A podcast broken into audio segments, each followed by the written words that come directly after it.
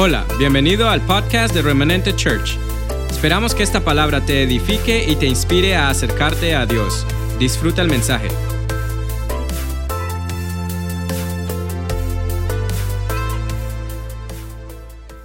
Buenos días. Bendiciones. Qué rico es estar en casa otra vez. Tenía, creo que un mes largo que no venía a la iglesia. Quiero darle las gracias de parte de mi familia en Colombia, en mi casa, por todas sus oraciones, por todas sus bendiciones, por todos sus detalles. Ya vamos a tener la oportunidad esta semana de, de reunirnos como familias y poder abrazarnos. Después de la partida de nuestra madre por el COVID no nos hemos podido ver, pero ya todos en casa están negativos, así que ya vamos a poder ir. Dios les bendiga familia por estar en este tiempo conmigo y con los míos. Pero vamos a la palabra. La palabra la hemos titulado hoy, nada se perderá. Nada se perderá. Nada se perderá. Yo quiero hacerte una pregunta, no tienes que contestármela, pero te la puedes contestar a ti mismo, de pronto ya muchos lo saben. ¿Cuántos años tienes? Hay muchas personas que no sabemos cuántos años tienen. ¿Cuántos años tienes? Les cuento una anécdota. Cuando conocí a Juan Carlos yo tenía 21. ¿Y por qué se ríen? ¿Cuántos años tiene? Yo tenía 21 y yo le pregunté, ¿cuántos años tienes tú? Me dice, los mismos que tú. Y yo, bueno, tiene 21. No tenía 21, iba a cumplir 18, pero me dijo que tenía 21.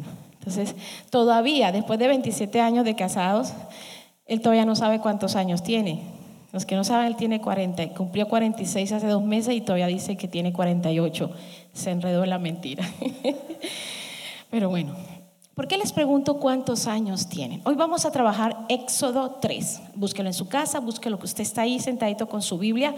Éxodo 3.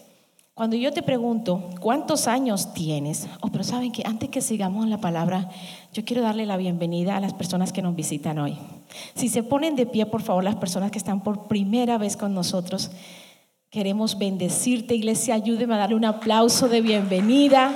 Bendiciones, familia. Aquí estamos para servirle, para bendecirles. Cuando yo te pregunto cuántos años tienes, es porque hoy Dios te va a hacer saber que nada de lo que has vivido en los 16, 18, 30, 45, 65, 80, 90, 92, nada de lo que has vivido se perderá. Aún los dolores por los cuales has pasado, aún las decisiones por las cuales has pasado, aún por las pérdidas que hemos tenido. En Dios las pérdidas se vuelven fortaleza. En Dios las pérdidas se vuelven fortaleza. El viernes estuve compartiendo casualmente acerca de Éxodo 3 y hablábamos de cuando el nido es necesario desbaratarlo. Hoy no me voy a quedar mucho en eso, pero quiero dejarte saber que Dios desbarató el nido donde estabas para que aprendieras a volar sobre las tormentas. Dios no te puede conceder el deseo de seguir siendo polluelo, de seguir recibiendo el alimento de tu madre, de tu padre, de la iglesia, del gobierno, del sistema donde estás. Es necesario que empieces a volar sobre las tormentas. Sentado en el nido no se sobrevive una tormenta, se cae el nido y se cae usted con todo y nido. Gracias a Dios por las relaciones que por un tiempo sirvieron, pero ya no están. Gracias a Dios por los lugares donde trabajamos y ya no están. Gracias a Dios por los lugares donde fuimos y ya no están. Porque a través de esos momentos crecimos, nos hicimos más fuertes, aprendimos a volar y entendimos que tenemos la capacidad de multiplicarnos y hacer nidos para las nuevas generaciones. Te van a desbaratar el nido. A más de uno le van a desbaratar el nido. Padres y madres que tienen hijos que ya son mayores de 18 años, pero que no se quieren sujetar a las leyes de la casa. Y esto lo digo con toda la autoridad de los procesos vividos porque ya tengo hijos adultos que no están en casa. joven que me escuche y que me escuchará. Si usted tiene 18 años y usted se siente con la capacidad de decir que usted es mayor de edad, entonces usted tiene el compromiso de pagar donde vive, de aportar para sostener el lugar donde usted vive, si usted no quiere acogerse a las órdenes de donde usted vive. Porque cuando somos adultos, somos adultos para todo, no para cuando nos conviene. No para decir, llego a la hora que yo quiera porque ya soy adulto. Si sos adulto, si eres adulto, tienes la capacidad de entender lo que yo te estoy diciendo de parte del Señor. Pero también quiero que usted esté advertido que a más de uno le van a desbaratar el nido. Porque en el lugar donde tú estás, ya se te pasó el tiempo. Gracias a Dios por, los nidos que se están desbaratando. Hay cosas que de repente en tu vida y en mi vida llega un tiempo en que no dan el fruto que esperamos.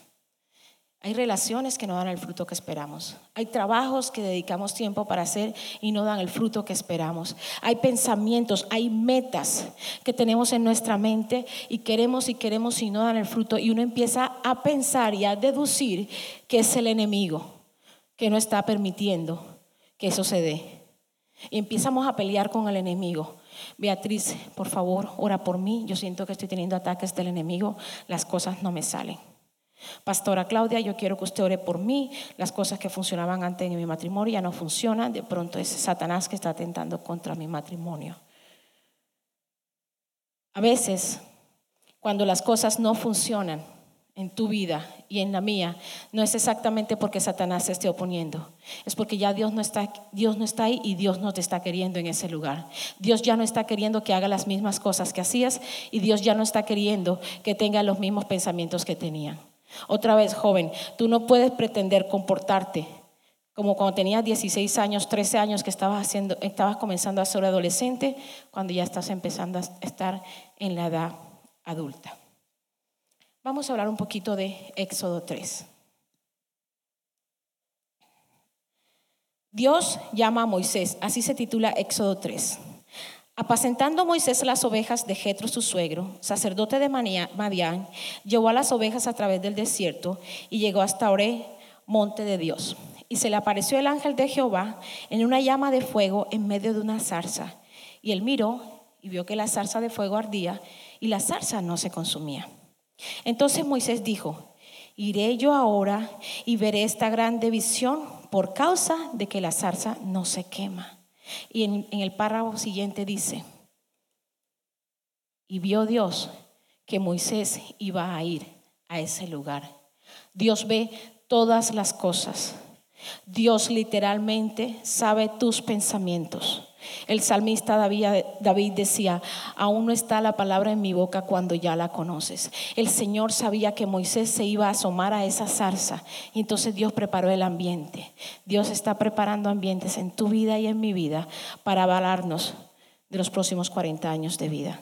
Por eso te pregunté cuántos años tienes. Los que tienen 18 años en este momento o los que tienen, están en sus teenagers, dentro de 40 años van a tener buscando los 60. Así que si usted Dios le trajo hoy, si usted está conectado hoy en, el chat o si usted va a ver esto más adelante, yo necesito de parte de Dios que usted esté muy atento a lo que Dios va a decir.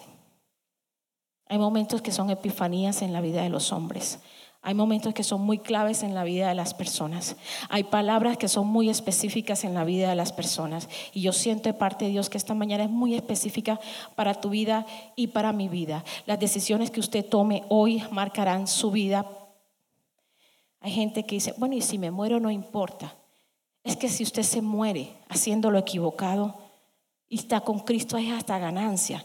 El problema es que no se muere haciendo lo equivocado. El problema es que causa mucho daño a la gente que está alrededor suya, causa, causa mucho daño a la sociedad y aparte de eso tiene que vivir 40, 50, 60 años reconociendo que las decisiones que tomó en sus 18, 17, 15, 14, 20, 25 marcó la vida suya y como decía la alabanza, y las generaciones venideras tus hijos, los hijos de los hijos de tus hijos van a ser marcados por las decisiones que tú tome ahora. Y una de las decisiones más importantes que debemos de tener muy en cuenta usted y yo es la confesión de nuestros labios. No se ate a relaciones, no se ate a los amores de la adolescencia. Gloria a Dios por los que se conocieron en adolescentes, se casaron, se volvieron viejitos y se fueron juntos para el cielo, pero eso pasa uno entre cien. No se ate, por favor, no ate su vida a una amistad del bachillerato. Nunca voy a olvidarte, nunca voy a dejarte, nunca voy a dejar de seguirte. esos nunca le pertenecen solo a Dios, porque nunca, nunca, nunca, nunca te dejará. Hace 7, 8, 9 años atrás le enseñamos a los jóvenes de 12 a, de 12 a 14, que hoy ya son los hombres de la iglesia, le enseñábamos, porque a esa edad se tiene el mejor amigo. En inglés le dicen, my best friend forever. Yo te hago una pregunta de los que están allí. Lucas, Franklin, ¿quién más estaba aquí conmigo? Dani, ¿quién más? Jimena, Muñeca también. La mejor amiga, tu best friend forever que tenías a los 12 años, sigue siendo tu best friend now. I wish. No, right? No, right? No. Porque es que a los 12, 13, 14, 15, 16, 17, 8 las promesas se hacen a raíz de las hormonas. A raíz de la hormona, a raíz de la fuerza que tenemos de esa edad que creemos que nos vamos a comer al mundo. Pero la vida va cambiando. Tu mejor amigo por siempre, mi mejor amigo por siempre es Jehová de los ejércitos, que supo lo que Moisés estaba pensando y dijo, este es el momento. Esta es una epifanía para este hombre. Moisés, yo te hago una pregunta. Levanten las manos quienes en este lugar han tenido un accidente en que su vida ha estado en peligro. Levanten las manos. Que usted haya tenido un accidente. A Juan Carlos lo atropelló un bus y no se dio cuenta que el bus lo atropelló. En serio que así fue. Lo atropelló un bus manejando una moto. Pues no crean que los comportamientos de él fue por ese golpe. No, no, no vaya a creer pero Dios lo salvó. Dios le salvó. Usted no se murió en ese accidente porque usted necesitaba hoy escuchar esto y alinearse con el plan de Dios y dejarse usar por Dios. ¿Por qué no fue usted? ¿Por qué fue alguien el que estaba con usted murió y usted no se murió? Porque Dios tiene un plan. Y usted y yo no tenemos el derecho a patear el plan de Dios. Porque vuelvo y le digo, si usted y yo nos muriéramos en la desobediencia, en el error, con Cristo en nuestro corazón, tenemos ganancia, nos vamos para el cielo. Pero no nos morimos con los errores, nos quedamos 40 y 50 años viviendo la consecuencia del error. Entonces, Moisés se acerca a la zarza y ve que la zarza no, no, se consumía. Y el Señor le dice, Moisés, quítate, quítate lo que, lo que te sostiene en la tierra, quítate los zapatos. By the way, me puse unos tacones para predicar que no, no, no. Um, quítate el zapato, quítate el calzado, quítate el argumento, quítate las excusas, quítate todo, todo lo que tiene. Tenía Moisés unos zapatos y a ver si no eran del suegro, porque las ovejas que estaba cuidando en ese momento Moisés, ¿de quién eran? Del suegro. Quítate los zapatos, porque el lugar donde tú estás, santo es. Esta palabra que usted está escuchando, en la cual usted está siendo colocado, es santa. Usted tiene la decisión de aplicarla a su vida o hacerla como una de las 350 mil que ha escuchado. Escucharla, usted tiene el derecho a escucharla. Y entonces le dice, le dice el, el Señor a Moisés, no te acerques, quita tu calzado de tus pies porque el lugar en que tú estás, tierra santa es. Y dijo, yo soy el Dios de tu padre, el Dios de Abraham, el Dios de Isaac y el Dios de Jacob. Entonces Moisés cubrió su rostro y tuvo miedo de mirar a Dios. Y le dijo Dios a Jehová, bien he visto la aflicción de mi pueblo. Dios todo lo ve. Dios conoce la aflicción de tu familiar que necesita que tú te ubiques en lo que Dios dijo para ti. Dios le estaba diciendo a Moisés, Moisés, te voy a ubicar en el propósito por el cual yo permití que los cocodrilos no te comieran en el Nilo cuando tu mamá te puso para que los hebreos no te matasen. Estaba de tres meses de nacido y ya había tenido dos amenazas de muerte. Tú quizás nunca sabrás, yo quizás nunca sabré las veces que Dios ha metido su mano para que todavía estemos con vida y podamos cumplir el propósito por el cual Él nos llamó. ¿De qué propósito habla Eliana? El propósito de crear familia, el propósito de crear empresas, el propósito de ser de bendición a muchos, el propósito de trabajar en la iglesia, el propósito de ser un político con temor a Dios y hacer que las cosas cambien, el propósito de ser generador de abrazos y sanar a muchos a través de un abrazo. Los propósitos de Dios, joven y, mujer y hombre que están en este lugar, no siempre son de estar aquí pastoreando. Es más el labor que usted hace ahí sentado y sale allá afuera que la que podemos nosotros hacer aquí en 30 minutos compartiendo la palabra. Dos veces, con tres meses de nacido, Dios ya le había salvado la vida a Moisés. No lo mataron por ser hebreo y no se lo comieron los cocodrilos. Pero en este momento empieza una etapa de transición. La iglesia de Cristo está viviendo una transición. Normalmente Normalmente, quienes iban a las iglesias y quienes hacían iglesia y quienes pensaban en la iglesia eran la gente adulta, porque los jóvenes estábamos muy ocupados escuchando a Ricky Martin. Los jóvenes estábamos ocupados escuchando a Shakira. No estoy en contra de Ricky Martin, no estoy en contra de Shakira, pero hay muchas cosas que hacer en la iglesia, hay muchas cosas que hacer en la sociedad, hay muchas cosas que hacer que ya los adultos no las vamos a poder hacer sino ustedes los jóvenes. Pero Dios siempre va a querer usar, Dios siempre necesita usar una vasija limpia, una vasija santa, una vasija no santurrona, no que se va bien delante de los hombres, que, que huela a Dios, aunque los hombres crean que usted no califica. Aunque para la visión del que lo está viendo usted no califica, Dios conoce tu intención, Dios conoce tu intimidad, Dios conoce lo que haces cuando nadie te ve. Moisés empieza a vivir una transición. Aquí me voy a detener un poquito. ¿Qué es una transición?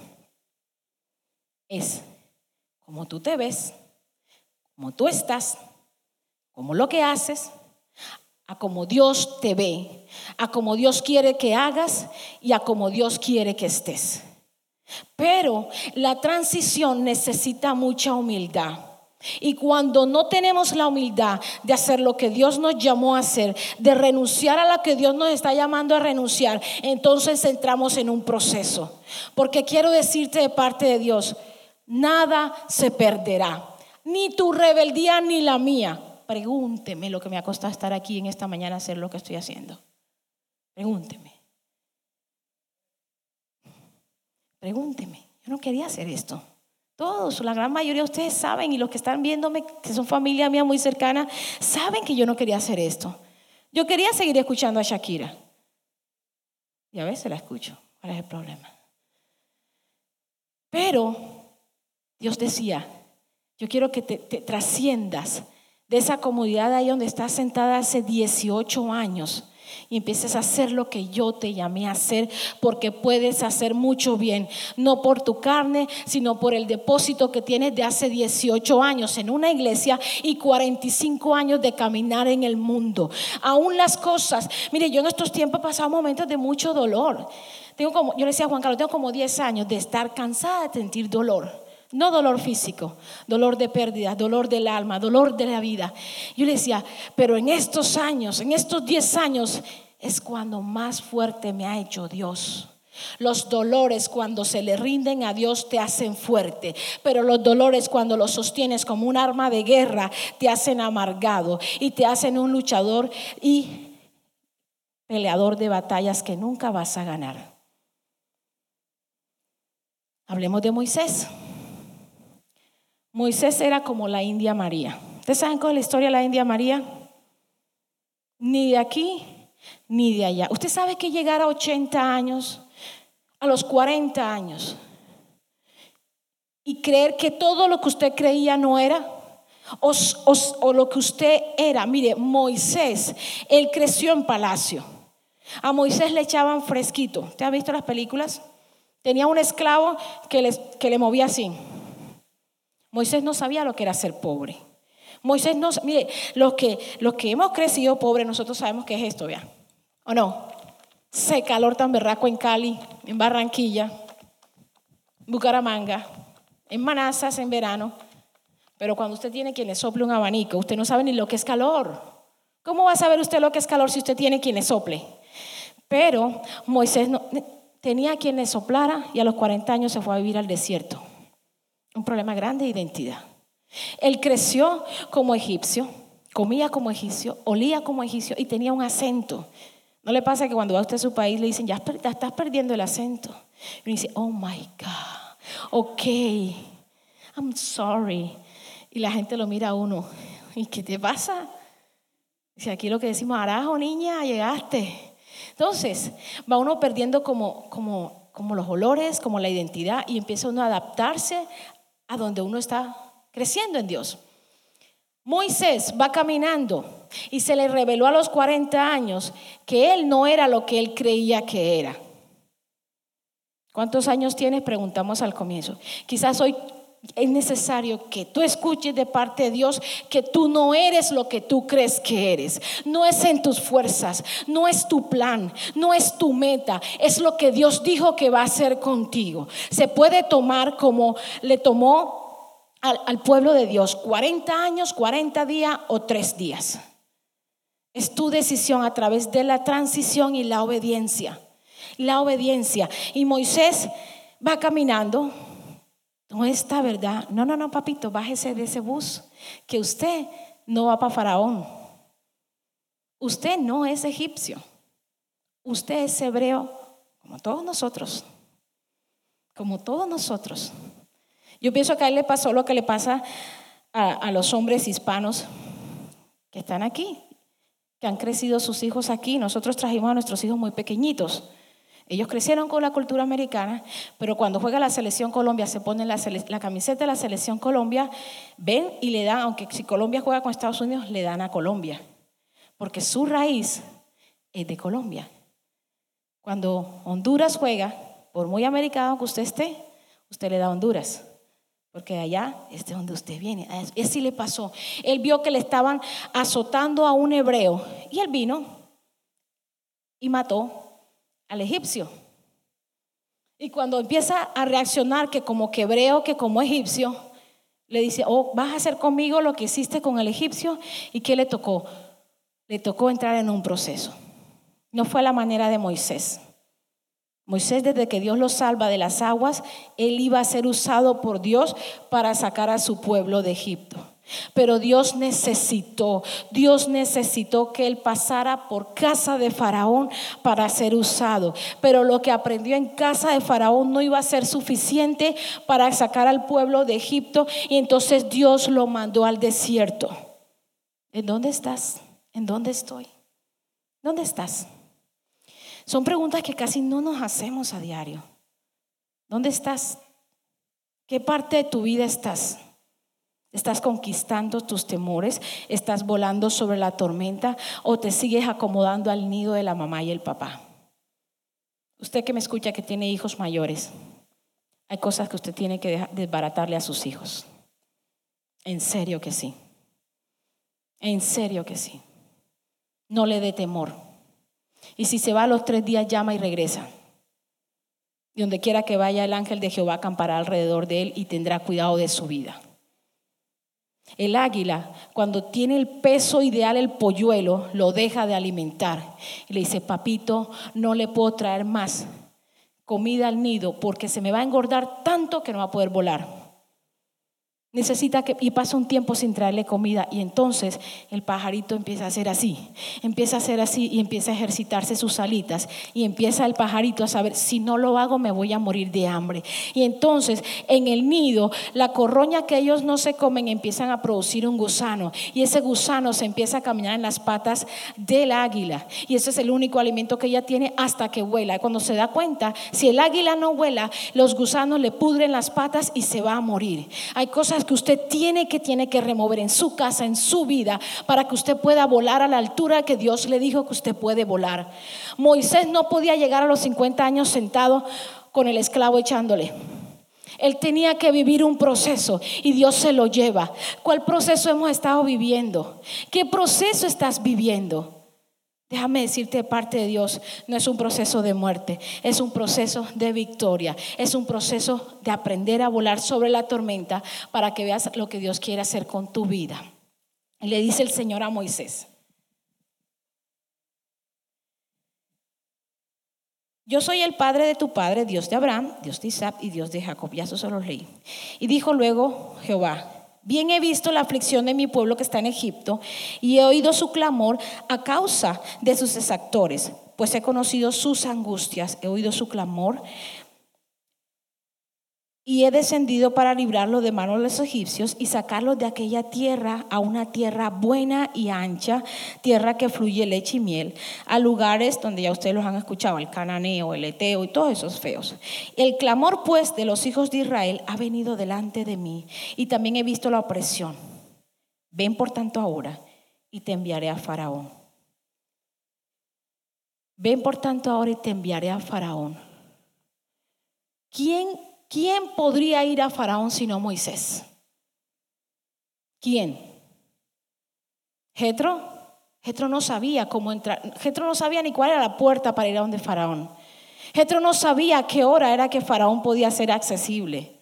A Jetro no lo conocían, a Moisés lo conocían. Muchos de nosotros, Dios nos va a volver a enviar donde nuestra familia, aún a nuestras casas que dejamos en nuestros países a retomar cosas que quedaron pendientes, no a vivir allá. No diga que Eliana dijo que yo me devuelvo y por eso arranco para allá. No, Señor.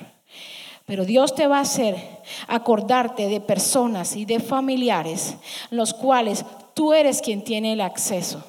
No para acordarse de los viejos tiempos y poner un bolero de Luis Miguel. No, es para que tú, usted lleve una buena nueva. Usted empiece a hablarle. Yo sé, yo estuve ahí en tu lugar, pero conocí al Dios de Israel. ¿Quién es el Dios? Y él le pregunta, escuche, vaya, vamos juntos.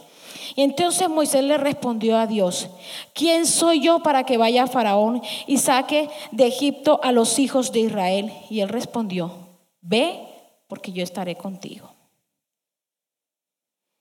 Dios va a estar contigo pero Dios no lo hará por ti.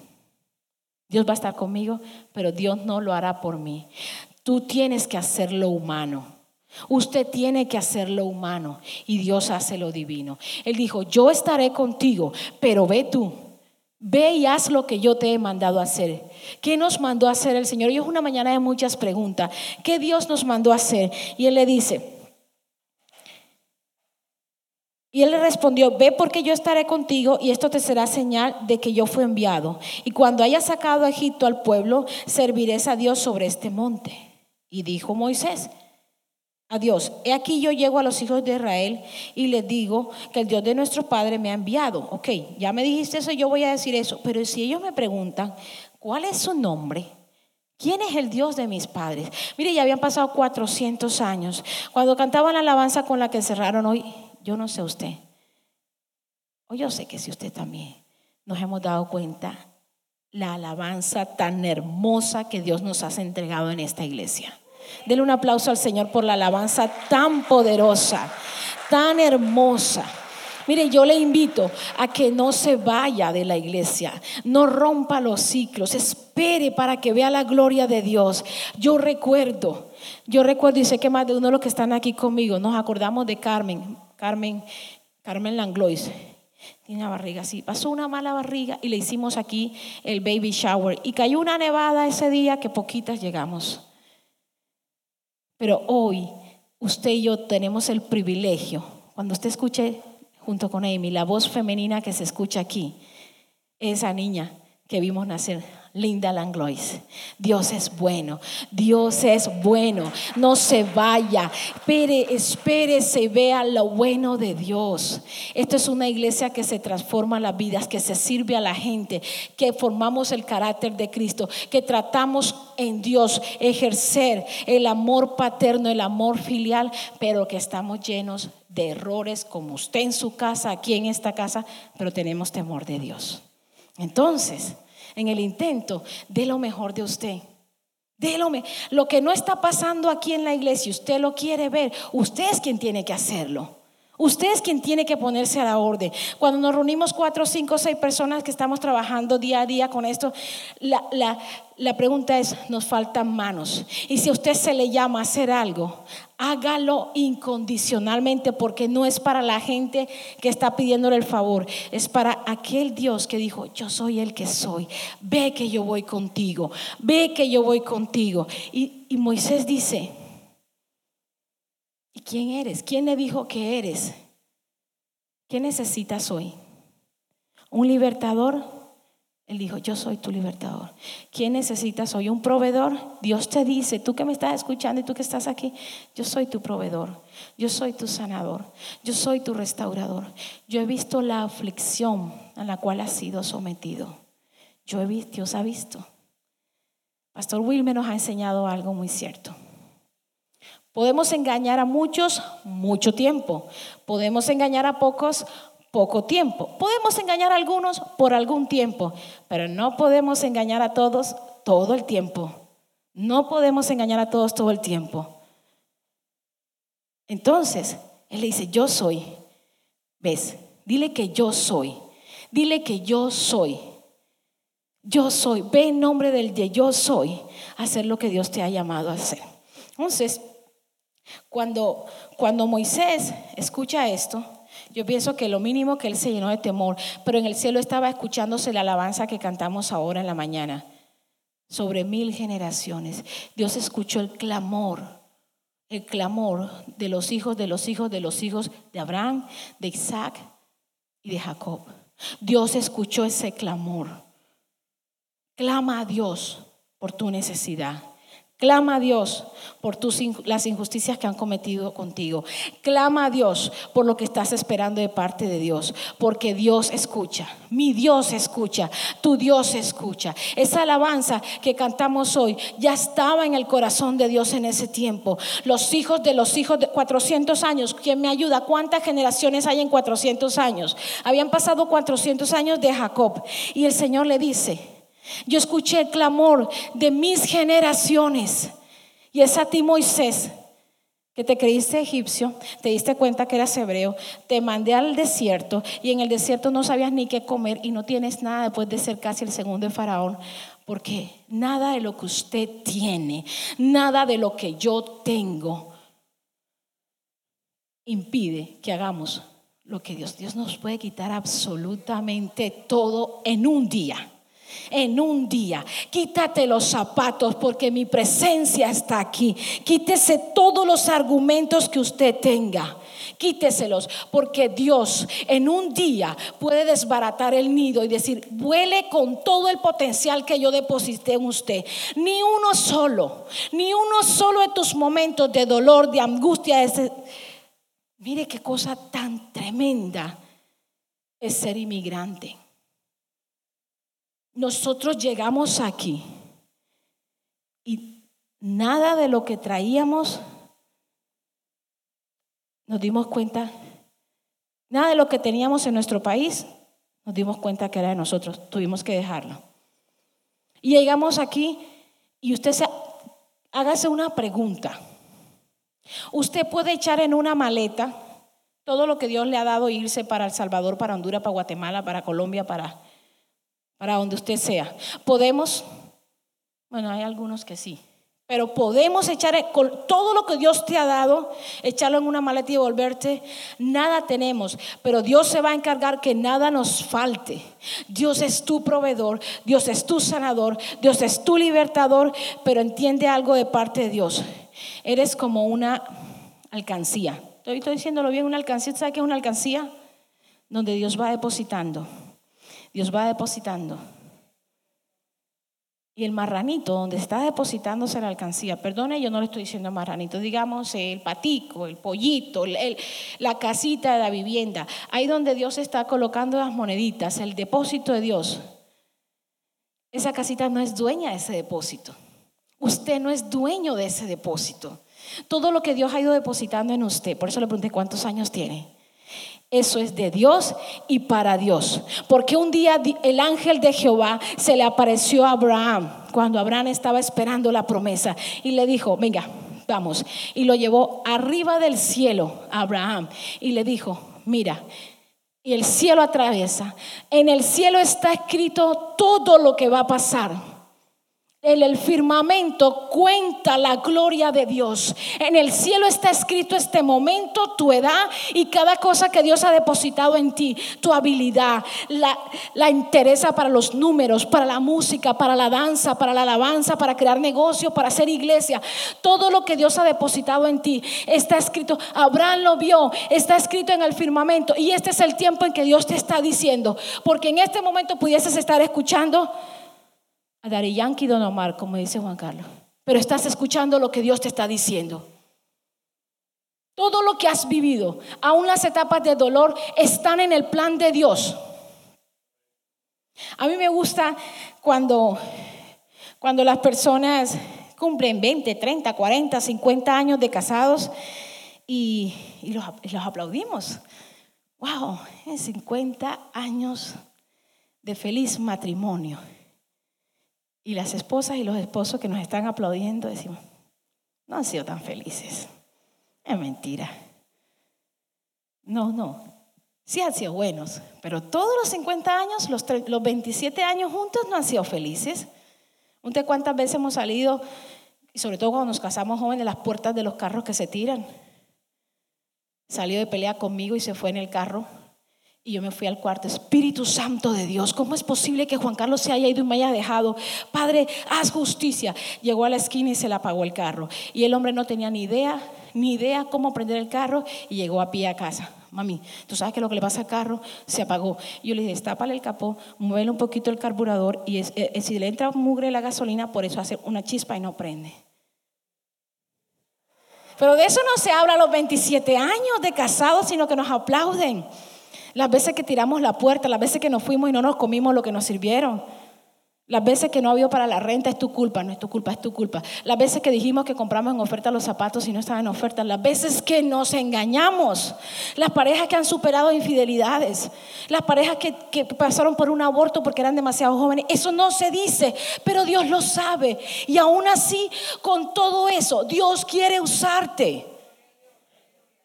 Eh, aquí en Éxodo 3, Dios no le dice, yo vi cuando usted mató al mancito ese. Ahora usted va a ir y me va a sacar a mi pueblo porque dejó un lío ahí armado. Dios no trae a memoria eso. Dios se acuerda del depósito tuyo y mío porque Él es el dueño de ese depósito. ¿Sabes escribir? Escribe un libro. Mire, yo conocí a alguien que duré cinco años, cuatro años diciéndolo, escribe un libro, por favor, escribe un libro. Como dice Juan Carlos, está hablando quien tiene paja, eh, rabo de paja. Escribe un libro, escribe un libro. Se murió y no escribió el libro.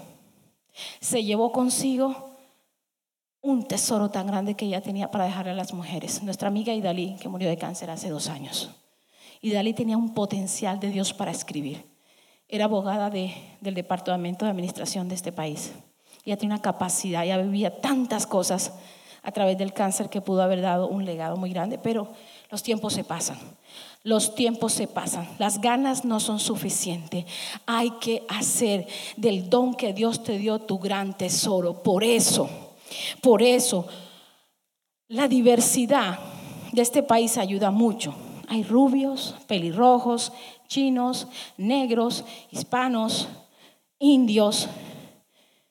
Y por año uno mira, y esta palabra es muy específica para ciertas personas. Y usted mira y usted no encaja. Y usted ve cómo se comporta cuando era joven usted veía que los jóvenes se comportan y usted no encaja. Y cuando se vuelve madre y usted ve que las madres hacían cosas con sus hijos y usted no encaja y usted tiene muchos años de estar en la misma iglesia y lo que usted ha visto en su casa, en su trabajo, no, hay algo que usted sabe que usted no encaja. Es como si usted fuera un triángulo y lo quiere meter en un círculo. ¿Y qué pasa? Pero ¿por qué yo no me identifico con esto? Porque es que cuando yo voy y me siento en medio de ciertas reuniones, no encajo. Es por tu llamado. Es por tu depósito. Es por tu llamado es por la figura que Dios te dio. No puedes encajar, no vas a encajar. Se te va a llenar la cabeza de canas, se te van a dañar las rodillas, hermana Eliana, que feo está hablando. Eso pasa. No vas a encajar. 40 años el hombre se, quejó, se creyó egipcio, comía como egipcio, pero no encajó. Una vez que supo su identidad de hebreo, no encajó. Lo manda Dios a un proceso en el desierto y se le aparece Dios. Yo sé que Dios nos ha hablado hoy. Yo sé que Dios te ha hablado hoy. La razón por la cual tú no encajas en relaciones es porque tú tienes un llamado diferente. Tú tienes, muchas veces no nos parecemos ni a nuestros propios hermanos, ni a nuestra propia familia, materna y paterna, no nos parecemos.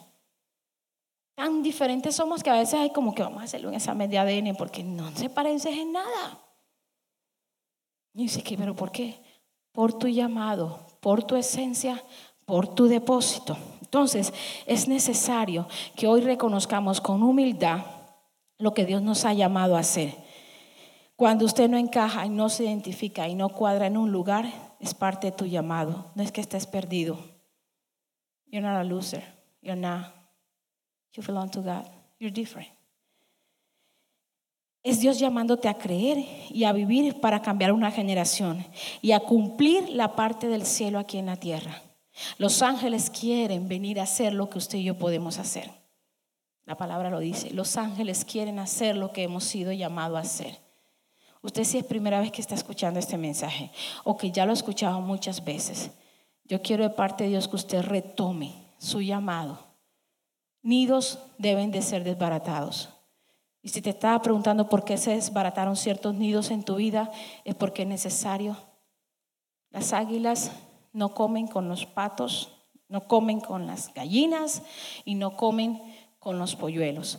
Las águilas vuelan las tormentas. Todos vamos a tener tormenta. Madre que me escucha, padre que me escucha, no le evite a sus hijos que pasen por ciertas tormentas, porque usted está evitando que su hijo aprenda a volar sobre la tormenta. Va a llegar un momento en que usted y yo no vamos a estar. Yo soy mamá, yo sé de lo que hablo. Va a llegar un momento en que usted no va a estar. Y es, es el momento en que su hijo va a poner en práctica las veces que usted le dejó hacer el esfuerzo que tenía que hacer. Volar sobre la tormenta. El tema de hoy es Nada se perderá, nada de lo que usted ha vivido se perderá, nada, nada, absolutamente nada. Aún las cosas que no tienen sentido que hayan pasado en tu vida. Mire, lo mejor que a mí me pudo pasar en esta vida fue que yo no crecí con mi mamá y con mi papá. Eliana, te están escuchando en tu casa. Sí, fue lo mejor, porque me formó mi abuela, que me dio la formación, la esencia. Alguien decía, no deje que sus niños se los cuide cualquiera, busque y transmítale la esencia a su hijo. Mi abuela me transmitió la esencia del temor a Dios del temor a Dios. Mi abuela, si, si, mi abuela no me recoge a los dos días de nacida, yo hubiese terminado viviendo en Venezuela y hoy estaría, con mucho respeto lo digo, como muchos venezolanos en mi país buscando en qué trabajar, porque el país de Venezuela quebró. Pero Dios se anticipó. Lo mejor que para muchas veces en mi niñez, no lo digo, no lo niego. I wish my mom wasn't there, but she wasn't. Yo hubiese querido que mi mamá estuviera ahí, pero no estuvo. Yo no quería que mi abuela fuera a los eventos que hacen en las escuelas, en el Día de la Madre o el Día del Acto Cívico, porque todas las mamás cuarentonas iban en jeans apretaditos. Y mi abuela iba en faldas. Y yo no quería que fuera mi abuela en faldas, yo quería tener una mamá joven. Pero Dios me decía, no, no, no, no, no, es tu abuela. No, no, no, no, no, no es esa persona que tú dices que das la vida por ella, es la persona que Dios va a escoger por ti. No, no, no, no es el lugar donde tienes planeado irte a vivir, es aquí donde Dios te trajo. No, los no de Dios muchas veces marcan destino. Muchas veces marcan destino. En mi caso fue así. Dios dijo que yo no iba a, crear, a crecer con mis padres, crecí con mi abuela y fue lo mejor que pudo pasarme en mi vida. Quizás para muchas personas no tiene sentido, pero yo puedo dar evidencia que la alabanza que cantábamos hoy, por la entereza de una mujer que dijo, el depósito que Dios dio en mí formaré 15 personas. Mi abuela formó 15 hijos, entre nietos y hijos, 15. Si usted tiene dos y tres y no sabe qué hacer ya con dos niños, mi abuela tuvo 15 y su, esposo era un taxista y nos alimentó con un salario de taxista. Y aquí estamos, sirviéndole a Dios, diciéndote, no importa si en este momento te está doliendo, no importa si ayer dolió, no importa. Mira, hay gente que es que mi papá y mi mamá no hicieron nada por mí y ya tienen 40 años y todavía cantan la misma canción. ¿No le da pena? Haga usted algo por su papá y su mamá entonces. Es que mi papá y mi mamá me dejaron cuando yo era chiquito y entonces yo por eso tengo esa amargura en mi corazón y me meto esta botella de trago y digo lo que me da la gana. ¿No le da pena? Ya no se usa estar borrachos. Hombre y mujer que me escucha, ya no se usa. Ya no está bien cometer los mismos pecados. Nunca está bueno hacer pecado. Ya no está bien llegar borracho y que, que, en su casa sus hijos y sus nietos lo vean borracho. No está bien eso. Ya no está bien ser infiel en casa, en ningún lugar. Usted, hombre o mujer que me escucha, comete infidelidad y usted está creando un camino, un legado para cuando tu hija y tu hijo se casen, Satanás pase una factura. No está bien cometer los mismos pecados. Lo que tú hiciste en tu pasado habla mucho de lo que posiblemente puedas hacer, entonces te toca estarte comportando toda la vida. Es que saben que yo fui capaz de eso. Es que saben que yo fui capaz de esto. Entonces, si hoy Dios te está anticipando, quisiéramos nosotros, los que somos cuarentones buscando 50 de ahí para arriba, que esto nos lo hubiéramos dicho cuando teníamos 17.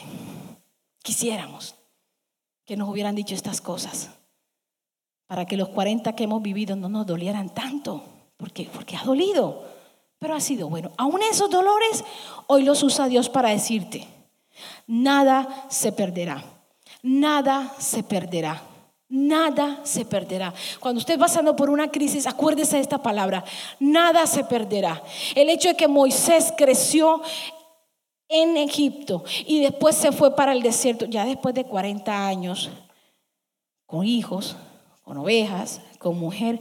¿Usted cree que se le pasó por la cabeza a Moisés que iba a volver a Faraón y hacer lo que Dios le mandó a hacer? No, ya él era de ahí, del desierto de Medián. Ya él estaba ahí. No te acomodes en el nido que estás porque Dios te lo va a desbaratar. Yo ya iba de retirada y lo he dicho muchas veces hace dos años. Yo ya me iba para Colombia, me compré un apartamento, lo decoré, estaba cotizando cómo pagar un carro y, ya tenía a Juanca como el 80% convencido. Pero el 80, papi, ya tenemos un negocito y, el, y mira, con lo que pagamos el mortgage aquí vivimos como reyes, allá como hermanos de Faraón. Tenemos quien nos sople así yo ya me iba, dos años atrás. Y vino Dios y me desbarató el nido. Ni me di cuenta, me desbarató. No, ni siquiera me desbarató el nido, me mandó a mí a desbaratar el nido, buscando cajas donde recoger todo lo que había comprado para decorar el apartamento donde ya yo me iba a mudar. Porque Dios sabía que hoy yo te iba a hablar de esto. Pero el nivel de mi transición era que yo no quería, que muchas veces no quiero. Ayer estábamos en el cumpleaños de Tiago, nuestro nieto. Y me dice Juan Carlos, tengo el título pero no tengo el tema. Y le digo yo, ¿quiere que yo predique? Y dice, de verdad, primera vez que pegas el brinco en la silla y me pregunta que si quieres predicar. Pero de parte de Dios, atrévase a vivir la transición. Yo aquí donde estoy estoy temblando, estoy sudando, tengo miedo, los zapatos me aprietan y las medias me dan calor. Mentira, no tengo medias. Pero yo sé que Dios te habló yo sé que Dios me habló. Lo que usted tiene, la esencia, el don, la habilidad que usted tiene, le abre camino para que se cumpla el plan de Dios. Pero tengamos la humildad. Puede que usted sea hablando, sea bueno hablando en público, como decía Juancho ayer en, en Instagram, hay personas que tenemos ciertas habilidades, pero eso no dice que seamos buenos en todas las cosas. Entonces no presumamos que de cualquier tema podemos hacer algo bueno. Tengamos la humildad de saber que hay personas que tienen el don de hacer otras cosas. Usted no me pide a mí que yo lo lleve a hacer una vuelta porque no, yo no sé, yo manejo y, y me pierdo bastante. Hay gente que tiene la habilidad que va una vez y nunca más se le olvida cómo llegar allá. Yo voy 10 y 20 y en un parqueadero, en un subterráneo, no me va a encontrar, ni yo misma me va a encontrar. Entonces, no me pida eso. Yo no voy a pretender que yo tengo la habilidad para guiarlo a Nueva York y parquear el carro. Pero tengo la habilidad de acompañarlo en el camino y hablar y tomarnos siete cafés en el camino. La habilidad que Dios te dio se necesita para el lugar donde tú estás. Verónica, la habilidad que Dios te dio se necesita en la juventud. Si usted no sabe, Verónica la semana pasada, Verónica que es remanente ADN, estuvo en Telemundo hablando del don que Dios ha dado en ella. Gracias Verónica por, por querer en los procesos. Verónica hoy es una psicóloga, una mujer que está haciendo su doctorado, pero yo conocí a Verónica echando el mulch en mi casa, cortando la grama, a mucho honor, a mucho honor. ¿Dónde estás? Ya Dios no te quiere. Ve por lo que Dios dijo de ti. Ve por lo que Dios dijo de ti. Mis primeros seis años en este país limpié casas. Aprendí a cuidar casas en Estados Unidos, aprendí a decorar casas en Estados Unidos, aprendí a decorar que las casas, aprendí que se decoran las casas de acuerdo a la estación del año, aprendí a tener el gusto de comprar buenas sábanas, buenas toallas, aprendí muchas cosas.